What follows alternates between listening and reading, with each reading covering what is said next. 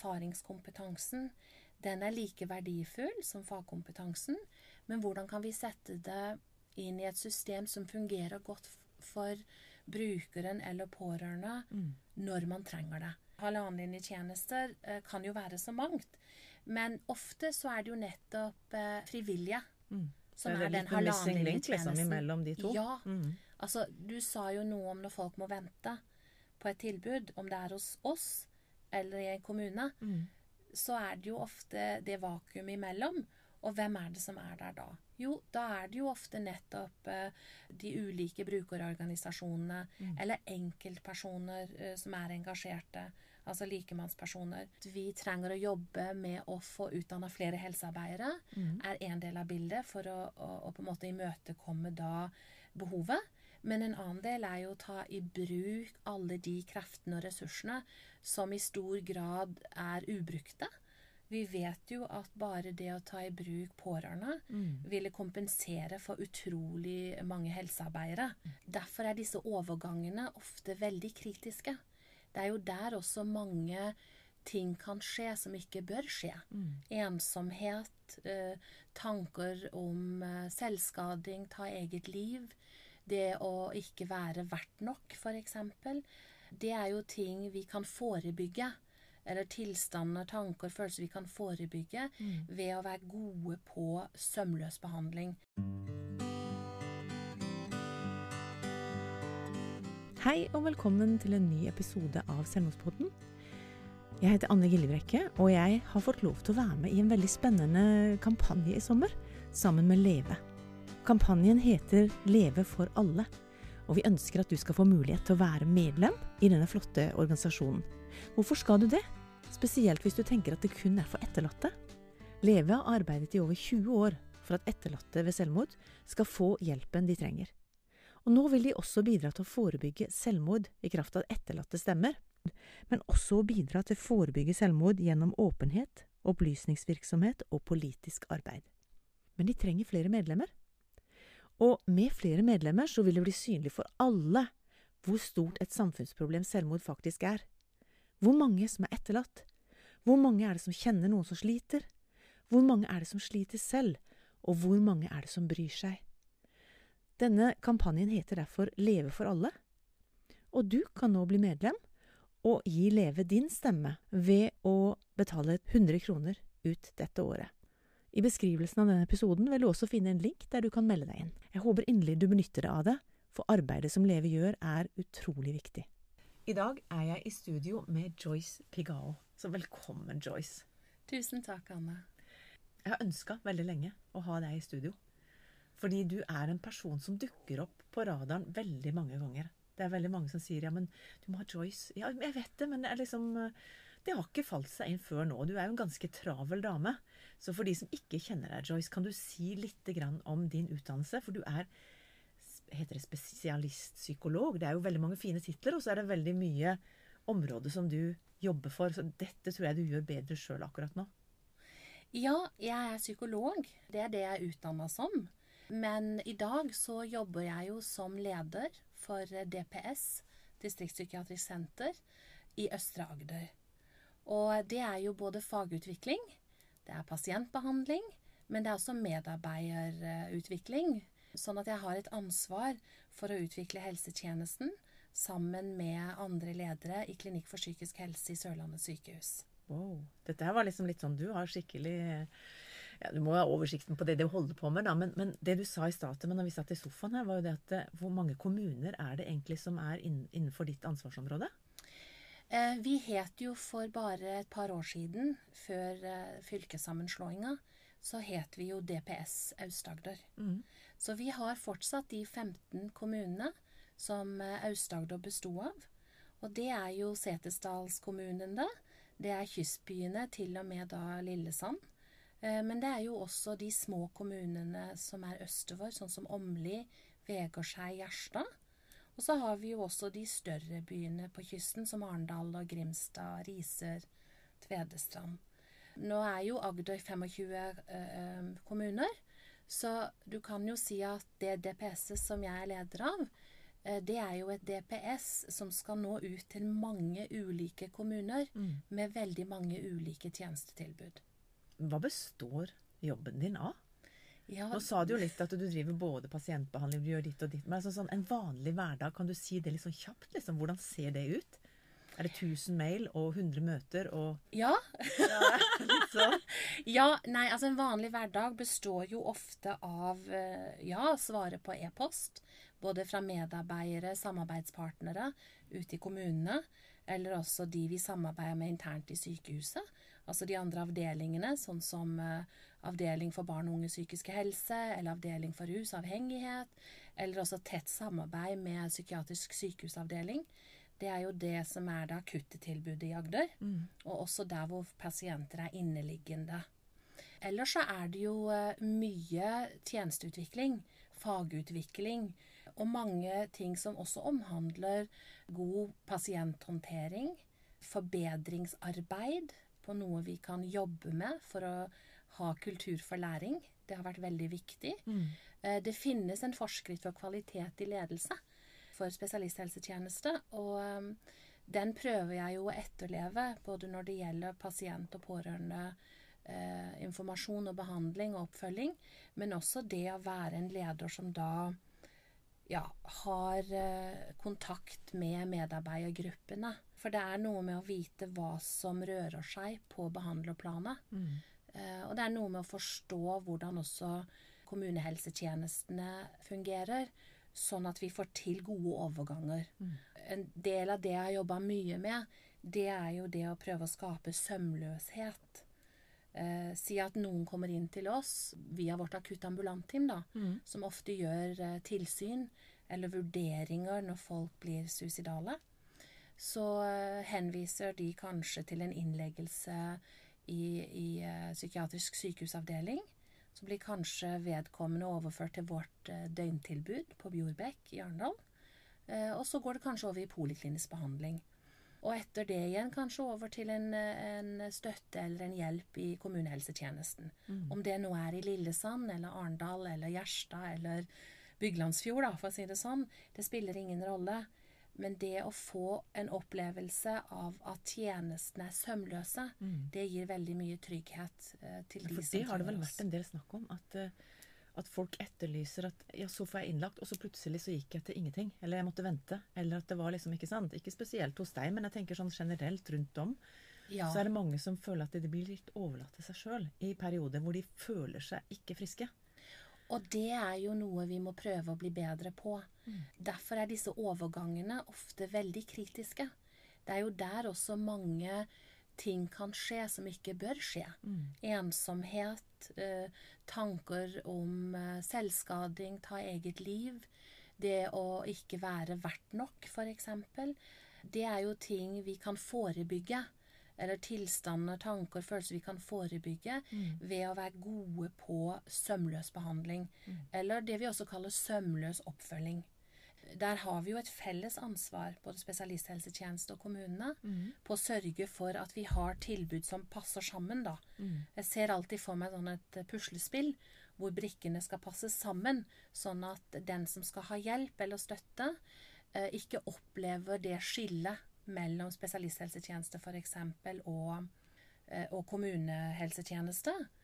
Og så er det jo også det som vi har vært opptatt av eh, i DPS hos meg, og også i sykehuset for øvrig, det er jo det med den halvannenlinjetjenesten, da. Altså hvem Jeg har aldri hørt om det før du sa det i stad. jeg. Vet jo hva førstelinjetjenesten Ja. og andrelinje, og så snakker du om halvannen. Ja, altså, det kan Er man det et nok begrep som er kjent, liksom? Ja, i hvert fall for meg. Ja, du sitter jo oppi dette hver dag. Men, men, men det er vel ikke et begrep som på en måte vi har. Halvannenlinjetjenester eh, kan jo være så mangt. Men ofte så er det jo nettopp eh, frivillige som Mm. Det er, er den litt en missing link, liksom, imellom de to. Ja. Mm. Altså, du sa jo noe om når folk må vente på et tilbud, om det er hos oss eller i en kommune, Mm. så er det jo ofte det vakuumet imellom. Og hvem er det som er der da? Jo, da er det jo ofte nettopp eh, de ulike brukerorganisasjonene eller enkeltpersoner eh, som er engasjerte. Altså likemannspersoner. Så det å tenke da en halvannenlinjetjeneste som vi faktisk på på begge sider, kommune og spesialisthelsetjeneste, bruker aktivt og er med på å styrke, Mm. det tror jeg er kjempeviktig. Nå har vi sånne kampanjer nå med Leve nå i sommer. Ja. Som handler om dette med å få flere, flere både medlemmer og også flere til å ønske å være likepersoner. Mm. Og da har vi fått et nytt navn på oss som ønsker det. For Ja. vi er faktisk halvannenlinjetjenestepersoner, vi. Jeg synes det var veldig kult å få et nytt navn på det. Så, det er, ikke så, er det du som har dikta det? Nei, eh, nei, det er ikke det. Oh. Men jeg har vel brukt det en del fordi at når jeg uh, utdanna meg sjøl Jeg er utdanna i Tyskland. Da brukte vi veldig mye av det som var utarbeida eller utvikla der, da, av halvannenlinjetjeneste. Det er jo veldig mye mer satt i system. Det var det jeg skulle si. Vi har jo hatt Martin Rafoss her, som har fortalt en del om Ja. systemet i Tyskland. Ja. Og det er jo sånn der Kan vi bare få det hit? Ikke ja, sant? Ja. Det, det er satt mer i system, og det er jo en, en stor mengde av mennesker som er opptatt av dette, og bruker dette som en del av det vi i Norge ville kalt dugnadsånden. Mm. Frivillighet. Eh, og jeg ser jo at eh, hvis man tenker fremover, og man tenker på en måte fremskrivning i populasjon eh, i Agder, så kan man jo tenke at det at vi trenger å jobbe med å få utdanna flere helsearbeidere, er en del av bildet for å, å, å på en måte imøtekomme da behovet. Men en annen del er jo å ta i bruk alle de kreftene og ressursene som i stor grad er ubrukte. Vi vet jo at bare det å ta i bruk pårørende ville kompensere for utrolig mange helsearbeidere. Og for å trygge både dere og de, så må det jo litt opplæring til. Det må litt sånn, For det er mange som føler seg usikre hvis de skal inn i en sånn ja, men Hvis jeg skal hjelpe de, hvis jeg skal, For det, det husker jeg fra langt tilbake. Mennesker har snakka med som Nei, du får ikke vite noen ting om hvordan denne personen, altså dattera di eller sønnen din, har det der inne fordi at de er over 18 år eller 16, eller hva er det som er grensa, for å kunne få vite noen ting. Men samtidig så er det Vær så god, her har du de. Nå har de vært gjennom kanskje et selvmordsforsøk. Nå, skal du, nå har du hele ansvaret for denne personen. Og så er det Så det der med å altså Både opplæring, føle seg trygg i hvordan kan jeg ivareta den personen som jeg bryr meg om, hjemme. Hva slags hjelp fins? Det er jo dette her som, som jeg har snakka om mye på denne her. Ja, Hva hvordan kan fag og erfaring gå i lag, som de sier på Romagder? Og det er jo noe av det som også ligger i den uh, utviklingen vi har jobba med da, uh, i DPS-et. Det er jo å tenke at erfaringskompetansen den er like verdifull som fagkompetansen. Men hvordan kan vi sette det inn i et system som fungerer godt for brukeren eller pårørende når man trenger det? For det er Mm. Men hva skal til da, Joyce? Altså, jeg tenker Ja. hvis, hvis jeg møter et menneske som fordi de kjenner meg litt, Mm. sier 'Vet du, Anne, jeg må bare si det, jeg har ikke sagt det til noen, men jeg, jeg klarer ikke mer. Jeg har faktisk konkrete planer om at ikke jeg orker mer. Mm. Eh, og jeg drar dette mennesket med meg. Altså Kanskje det er eh, stengt, eller legevakta er overbooka, eller et eller annet sånt. Altså, hvordan skal jeg da kunne få han inn på hos deg? Kan jeg banke på hjemme hos deg? Hva Ja, det har jo skjedd, det òg.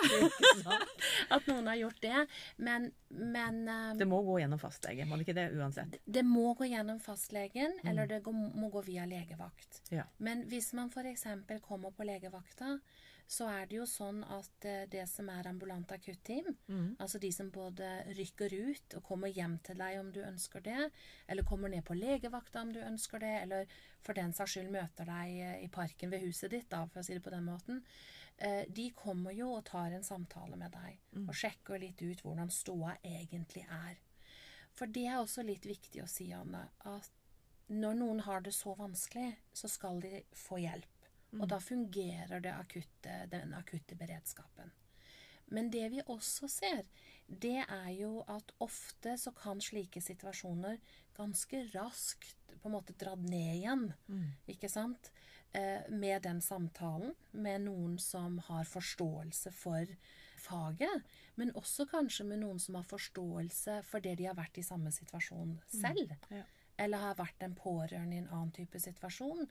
Eh, Eller faktisk eh, forstår at det denne personen trenger her, er noen som lytter, en trøst, en kopp kaffe. Altså så enkelt sagt, da. Men Ja, mange også får jo panikk når det er snakk om Ja.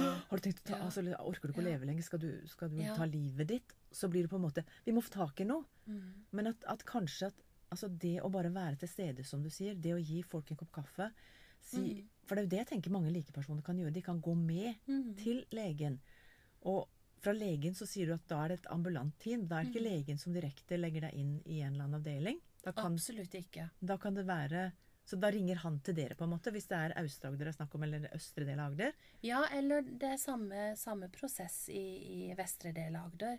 Altså, sykehuset har jo to akuttambulante team. Det teamet jeg har ansvar for i østre del av Agder. Også et annet akuttambulant team som DPS Strømme har ansvar for i vestre del av Agder. Også DPS Lister, som ligger enda mer vest. Ja. Men det er litt sånn som du sier, den samtalen med et akuttambulant team, eller også en samtale med den personen du, du tar kontakt med, for det er, det er vanskelig, kan jo på en måte roe det såpass ned igjen at du får en fornuftig tanke. For det som er veldig viktig, er jo å på en måte bryte opp akkurat den tanken om å ikke ville leve. Og det kan man gjøre på mange vis. Og som ofte så holder det at noen kanskje sier da at eh, Men dette kommer til å gå over. For du kommer jo ikke til å stå i dette eller leve i dette evig.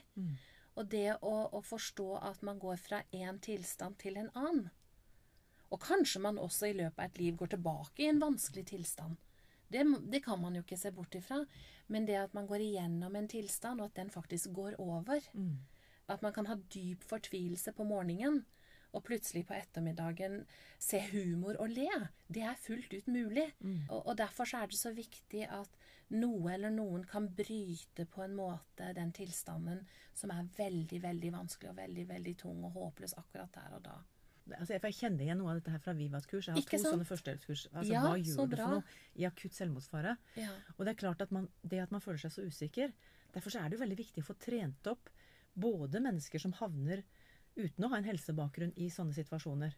Om det er på skolen, eller om det er i en forening eller idrettslag eller hva som helst. At du plutselig havner i en sånn At flere kunne fått en sånn basic utdannelse på dette her. For det du snakker om, er jo type det der gjennombruddet fra å gå fra å ha ingenting håp og veldig konkrete planer, til å se en liten spire av håp.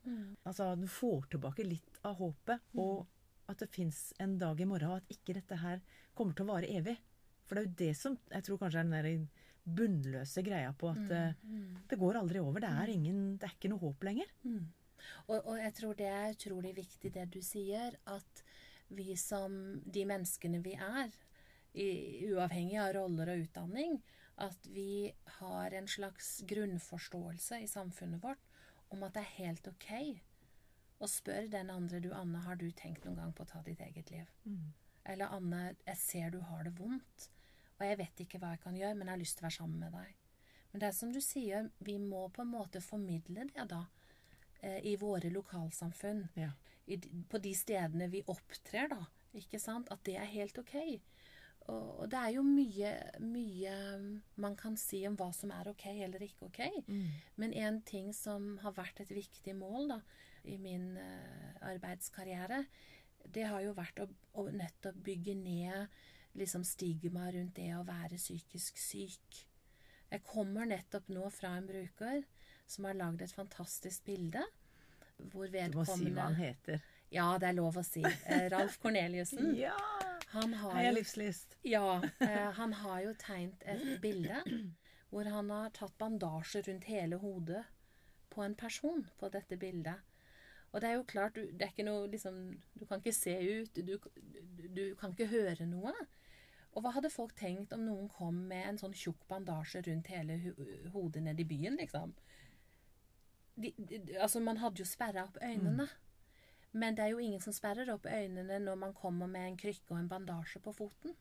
Så det er fortsatt det der med å tenke Det er helt ok å spørre hvordan går det med beinet ditt, men det er også helt ok å spørre hvordan går det faktisk med hodet ditt og tankene dine og følelsene dine. Ja. Så som profesjonell Ja.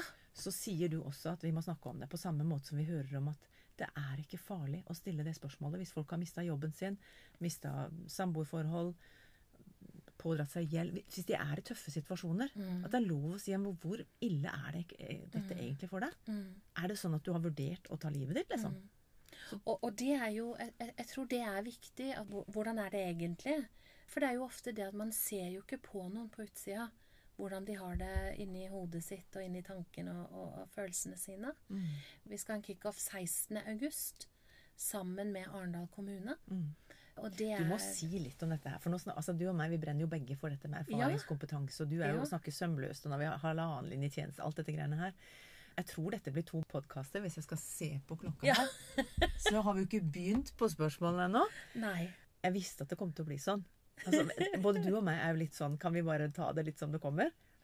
Ja. Og det at vi får, en podkast nå som handler om dette med hvordan kan dette sømløse gå? Hva slags tanker har du for det? Hva er drømmescenarioet ditt? Og et av de punktene er jo 16. august. Jeg spurte jo hvor er påmeldinga, sånn, så bare, bare kom, ikke sant? Og så hørte jeg du hadde en samtale i stad på ja, men hvis det kommer innmari mange, hva skjer for noe? For det er veldig mange som er interessert i å komme til Bjorbekk den 16. august. Så du må si litt om det opplegget. Ja, vi håper jo at mange kommer. Og så har vi jo valgt å si at det er bare å komme. Og det er ingen påmelding, og det er ingen påmeldingsavgift. Og det er jo i den ånd at vi tenker at vi skal være et åpent DPS eh, som tar imot og gir de som har lyst til å komme, og så formidler det ut ved å liksom ha det såpass åpent, at dette er et sted hvor vi ønsker å hjelpe. Vi gjør det med sikkerhet. Ikke alltid riktig eller godt nok, men jeg tror bare det å signalisere at vi er et åpent sted hvor vi ønsker å hjelpe, det er viktig. Den 16. så har vi jo dedikert dagen til eh, dette med erfaringskompetanse og brukermedvirkning. Fantastisk. Dette er midt i Arendalsuka. Det er Så det er tirsdag midt folk, i Arendalsuka. Så vi vet Jeg håper ikke dere har stort lokale, altså. Det er helt greit. Men vi håper på bra vær, da. Ja. Vi har jo veldig lyst til å sette fokus på hva kan erfaringskompetanse bidra med inn i spesialisthelsetjenesten. Og da er det jo sånne begrep som en recovery-orientert helsetjeneste vi er ute etter å, å etablere, eller kanskje heller nå utvikle. For vi har jo kommet litt videre. Og det handler jo mye om å sette dette med erfaringskompetanse og fagkompetanse i sammen.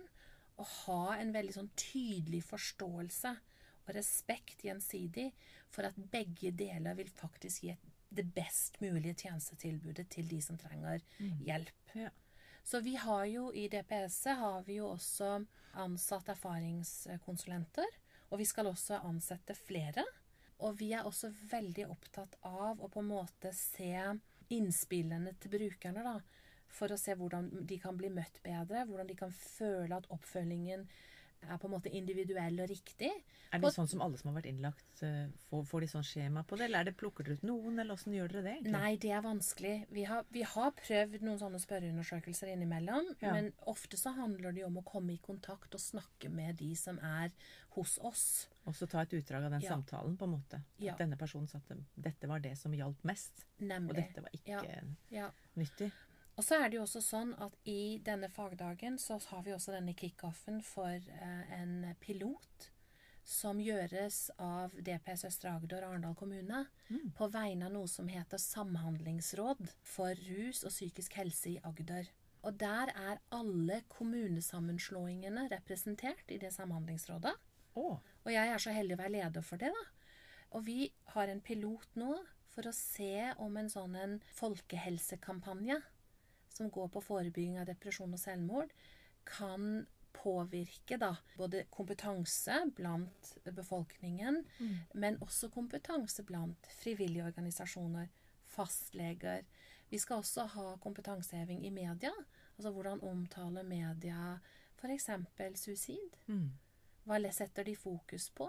For det er noe med det at hvis vi kan sette fokus på det som hjelper, istedenfor å sette fokus på det som drar oss litt fra hverandre, Ja. så hadde det vært en enorm gevinst i Agder. Eh, og denne piloten er jo eh, sammen med NSSF, altså Nasjonalt senter for selvmordsforebygging. Mm. Og vi har jobba med Leve, også i forhold til å tenke utarbeidelse av kampanjen.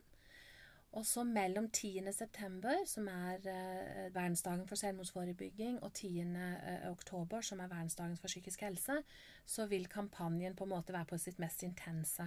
Oi. Vi har for eksempel på Men da må vi ha deg tilbake, Joyce, Ja, og det fortelle blir enda mer konkret om Ja, det det kan jeg gjerne gjøre, for det, altså det, Det er er ikke jeg så sagt på glad to for at vi har fått til. Nei. Nei, det er ikke det. Men essensen på det på en måte ville si altså For behovene ser dere jo er der. Nei, skal Ja. vi vente til den episoden, da, at du forteller litt mer konkret om hva det går ut på? For dette er jo noe som veldig mange jeg har snakka med, har ropt om lenge. Og da tenker jeg jo det at det kan være ok å ta med noen også, som Ja. kanskje kan fortelle litt om hvordan vi har jobba med det helt konkret. Veldig spesielt. Og kanskje også ø, noen fra Leve som har vært med på utforming av kampanjemateriale, f.eks. Spennende. Nå Veldig. går invitasjonen ut, så nå er det bare å Ja, men det er. Men det må gjøres før 10. september, så vi har ikke så lang tid på oss. Nei, men det skal gå bra. Ja. Ja. Men det, det er bare sånn før avslutninga av denne episoden Jeg tenker du skal få lov til å si bare to ord. Hvem er det som kommer på den konferansen? Hvordan, for da må vi ha ut denne episoden litt kjapt for at folk skal få med seg Veldig mange kommer ned til Arendalsuka. Dette er jo en heldags eh, gratis arrangement som dere setter i sammen. Istedenfor kanskje å ha stand med masse forskjellige folk rundt forbi, så har dere valgt å ta en, en hel dag Mm. hvor folk som brenner for dette med erfaringskompetanse, eh, samarbeid Mm. Halvannen tjeneste. Altså. Jeg syns det er så gøy å lære et nytt ord. Vet du. Altså for det Hvem er det som kommer? Ja, altså de som kommer Eller jeg må begynne på et annet sted. Ja. Vi hadde lyst til å ha det på Bjorbekk, der hvor DPS har liksom sin hovedbase. For det kan skape en ufarliggjøring, bare det å vite Å er det sånn det ser ut her? Eh, Sånn at når noen trenger oss, så vet de hvor vi er, og så vet de hvordan det ser ut. Og vi har jobba mye med arealutviklingen, for vi tror at også arealet rundt oss og hva vi på en måte formidler i arealet, da, har påvirkning på helse. Ja. Så er det sånn at vi har vært så heldige at fylkesordfører eh, Arne Thomassen han kommer klokka ti for å åpne. Eh, så Han er fra Lillesand. han er fra Lillesand, ja, det er veldig bra. Og så skal han han, han eh, han kommer til å si litt om egen erfaring. Det er bra. Veldig bra. Og fortelle litt om hva fylkeskommunen eh, har av tilbud da, Mm. eh, når det gjelder bruk og medvirkning og erfaringskompetanse. Og så skal vi ha to appeller. Den ene er jo en appell fra en dame du kjenner godt, Mhm. eh, Anne Marie fra Rom Agder. Ja. Eh, og så skal vi ha en appell fra Leve. Eh, han Jannis Ja. kommer. Så det er liksom på i Agder. ja, nemlig. Og, og de skal liksom åpne det, da. Og så går vi over til en sånn trekvartert innspill av en som heter Trond Orre. Han er psykiater, og han er også leder av et DPS i Nordfjordeid. Og han har skrevet to bøker. En i 2010 som heter 'Manifest psykisk helsevern', Mhm. og en i 2018 som heter ja, Nå husker jeg ikke tittelen helt, men uh, en google. mindre medisinpsykiatri, tror Ja. den heter. Ja. Og han har jo vært veldig på dette med hvordan kommune spesialisthelsetjeneste bør samarbeide i forhold til brukermedvirkning. Mm. Og han er veldig på dette med hvem har egentlig ekspertise på pasienten. Eh, Det er i Hvem sitter på fasiten? Nemlig. Så det blir veldig spennende. Mm. Så skal Ralf Korneliussen her fra Lillesand Han har jo sin uh, psykiatriske utstilling med fokus på hvordan arbeidslivet kan bidra til å rive noe ned, eller hvordan man kan bygge opp. da. Og han har jo en egen erfaring fra psykisk sykdom sjøl. Så har vi ei dame som jobber på DPS Kronstad, eh, som er erfaringskonsulent, som heter Solveig Bartun Robb. Utrolig spennende. Vært med på å påvirke liksom, brukermedvirkning i, eh, i Norge, vil jeg påstå. Mm. Hun skal eh, fortelle litt. Og så har vi eh, Gunhild Lindvei Ruud. Hun er også tjenestebruker tidligere, erfaringskonsulent, og førsteamanuensis på UiA. Og hun er kanskje den her i Agder som har sett mest på dette med brukermedvirkning, eh, erfaringskompetanse. Så man må ha litt sånn forskning og sånt nå også for å Disse tallene, altså politikerne som bevilger Mm. penger til forskjellige prosjekter, de må jo også se at det har vært forskning på hva som virker og hva som ikke virker. Og, mm. så så bra for Gudrun, så mye dere har fått til. Jeg, jeg er veldig glad for at disse fantastiske folka kommer. Ja. Og så blir det jo kickoffen på ettermiddagen, denne piloten eh, for forebygging av depresjon og selvmord, Mhm. hvor da også NSSF kommer ned med bidragsyter. Jeg tror det er en spesialrådgiver som heter Egil Haga. Eh, og der vil det også være sånn at Kirkens Bymisjon kommer til å stille, og vårt eget akuttambulant team kommer til å stille. Sånn at hvis folk vil ha informasjon eller spørre om ting, da, om hvordan ting fungerer hvis man kommer i en sånn situasjon, om det nå er som pårørende eller som bruker sjøl, eller bare det å være hva vet jeg, lærer, baker, eh, holdt jeg på å si, byggearbeider, og komme opp i en vanskelig situasjon, da, så kan du få litt råd og litt hjelp og drøfte litt. Så det blir litt sånn pauselagt inn også, sånn at man kan Ja. liksom ha dialog med hverandre. For det er jo sikkert mange som syns det er spennende. eh, Det er det. Mhm. Og det er jo klart det kommer jo helt sikkert til å være ganske mange fagfolk også. Og, og det kommer til å være, håper vi, eh, noen eh, både altså lokalpolitikere som har lyst til å bli bedre kjent med befolkningens eh, psykiske helse. Det Her er det mye komprimert Ja. læring, altså. Ja, I løpet av en dag. Veldig mye du kan Ja. ta med deg, liksom. Mm. Eh, og vi har jo aldri gjort det før. På denne måten. Vi har vært, som du sier, på stand eh, under Arendalsuka, og vi har fortalt om andre tjenestetilbud. Men vi har aldri gjort det sånn. Du er jo litt Pippi, du. Dette jeg ikke gjort før, så det går sikkert fint, liksom. Ja, det går sikkert fint. Jeg har et uh, fantastisk uh, bra lag. Mm. Og DPS-et er jo egentlig en gjeng med uh, klinikere som bare vil hjelpe. Mm. Man vil jo egentlig bare hjelpe. Så, så det er de beste intensjonene. Men det er jo klart at vi gjør jo også feil, og vi kan også gjøre ting som folk ikke forstår. Mm. Og, og da er det viktig å være liksom, i den dialogen, og faktisk også liksom, har fått skaffa seg litt sånn forskuddstillit, sier jeg alltid. For det, det gjør at når det blir vanskelig, så kan man faktisk snakke sammen mye bedre. Mm. Og som leder så, så er det jo jeg som ofte møter pårørende i de vanskeligste situasjonene i livet deres. Mm. Og det å, liksom kunne formidle ut nå og være et åpent DPS, det tror jeg også kan skape tillit. Sånn at når det verste skjer for noen, så, så har vi liksom en tanke om at vi kan lene oss mot hverandre, og ikke lene oss fra hverandre, da. Mm.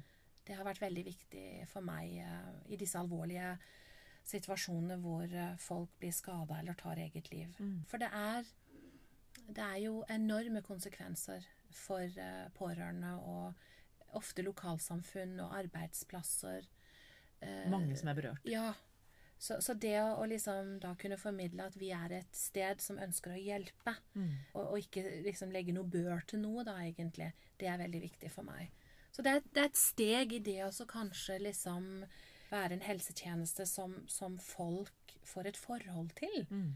hele tiden, og ikke bare når det verste skjer, eller når man har det virkelig, virkelig, virkelig ille. Mm. Og Så det er også litt av grunnen til at dere Ja. har det fysisk der, og Ja. ikke stå på stand på Arendalsuka. Ja. Så invitasjonen går ut nå. Jeg håper at vi kan få ut dette så fort som mulig, så folk kan få satt av den 16. august.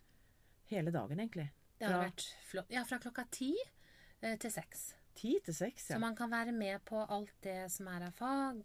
Kan man få kjøpt seg noe mat og sånn? Det Du jo vet sånn du hva, vi, vi tilbyr eh, pølser og is på tunet Oi, mellom tolv og ett, tror jeg. Både is og pølser er gratis. Oi, oi. Vi oi. har f.eks. fått sponsa Nå fikk vi liksom dobbelt så mange som kom bare på ja, det, ja, bare av is og pølser. er 17. mai. Og blir det fint vær, så er det jo et helt nydelig sted. Ja. Eh, og det er jo også gratis parkering. Mm. Eh, som i motsetning til det å finne parkering i Arendal by kan Eh, være sant? veldig ok. Velkommen til Arendalsuka. Nemlig. Men de har jo gode parkeringsplasser ut Ja, med buss og litt sånn. Men, men vet du hva? Det nærmer seg veldig, så jeg tenker at uh, denne episoden her, hvor jeg har fått et innblikk, jeg har lært masse av det. Det gjør jeg jo alltid, Joyce. Og du stiller jo opp, sånn som du sier på radioen med Solveig og Ralf i, i kveld. Det er bare sånn Ja, når Ralf skal dit, så kommer jeg bare. Altså Det er veldig mange med din posisjon som bare sier 'Dette er utenfor mitt arbeidsområde, og nå er det kvelden, og nå skal jeg ha altså, altså, Du er jo litt annerledes i forhold til tankemåten din. Som jeg tenker passer godt inn i forhold til å skulle bygge ei bro, da. For det er litt vanskelig hvis noen noen er veldig statiske på den ene sida, så blir det ikke noen møteplass. Nei, vi må bygge broer. Jeg tror det at um, et samfunn som bygger broer, det er et samfunn det blir bedre å leve i. Mm.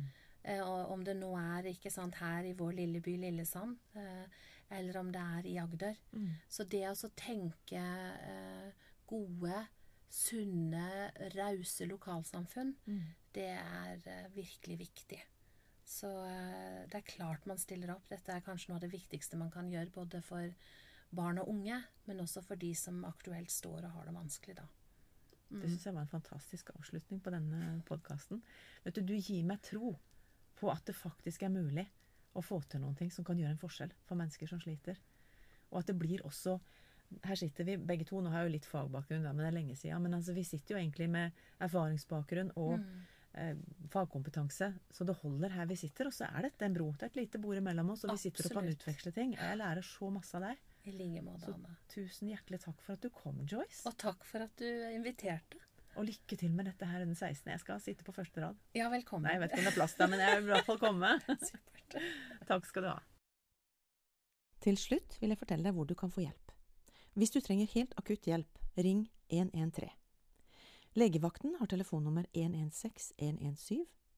Mental Helse, som er en døgnåpen krisetelefon, har telefon 116 123.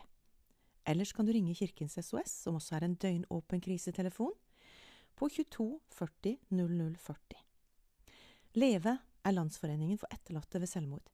De arbeider for at alle som er berørt av selvmord, skal få den hjelpen de trenger. Kors på halsen er Røde Kors sitt lavterskel samtaletilbud for barn og unge under 18. De er oppe fra mandag til fredag. Snakk om psyken er Blå Kors sitt chattetilbud for barn og ungdom fra søndag til fredag. Ellers har stiftelsen Lillebrors minne omsorg for etterlatte, og der kan du få både samtaler avtalt, og du kan få være med på noen av de flotte arrangementene som de tilbyr. Da håper vi at du også blir med oss i neste episode.